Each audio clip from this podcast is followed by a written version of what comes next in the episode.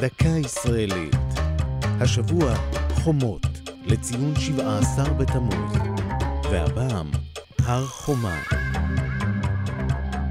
את הטבעת החיצונית של שכונות ירושלים מכיוון דרום-מזרח תוחמת שכונת חומת שמואל, המוכרת גם בשם הר חומה.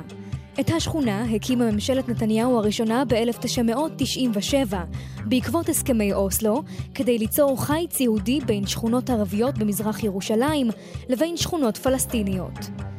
רוב קרקעות השכונה הוחזקו טרם הקמתה בידיים יהודיות, הופקעו לטובת הבנייה בשנת 92 ואושרו סופית בידי בג"ץ כעבור מספר שנים.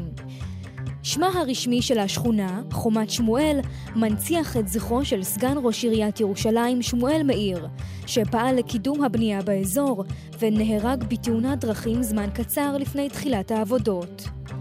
אולם רבים מכירים את השכונה דווקא בשם הר חומה, שניתן לה בפי לוחמי הפלמ"ח בזמן מלחמת השחרור, כשלחמו בהר מול כוחות הליגיון הירדני, שהיו צולפים על עמדותיהם מאחורי חומה ביזנטית הניצבת במקום. כיום, יותר מ-20 שנה אחרי היווסדה, מתגוררים בשכונה כ-20 אלף תושבים, חילוניים ודתיים לאומיים.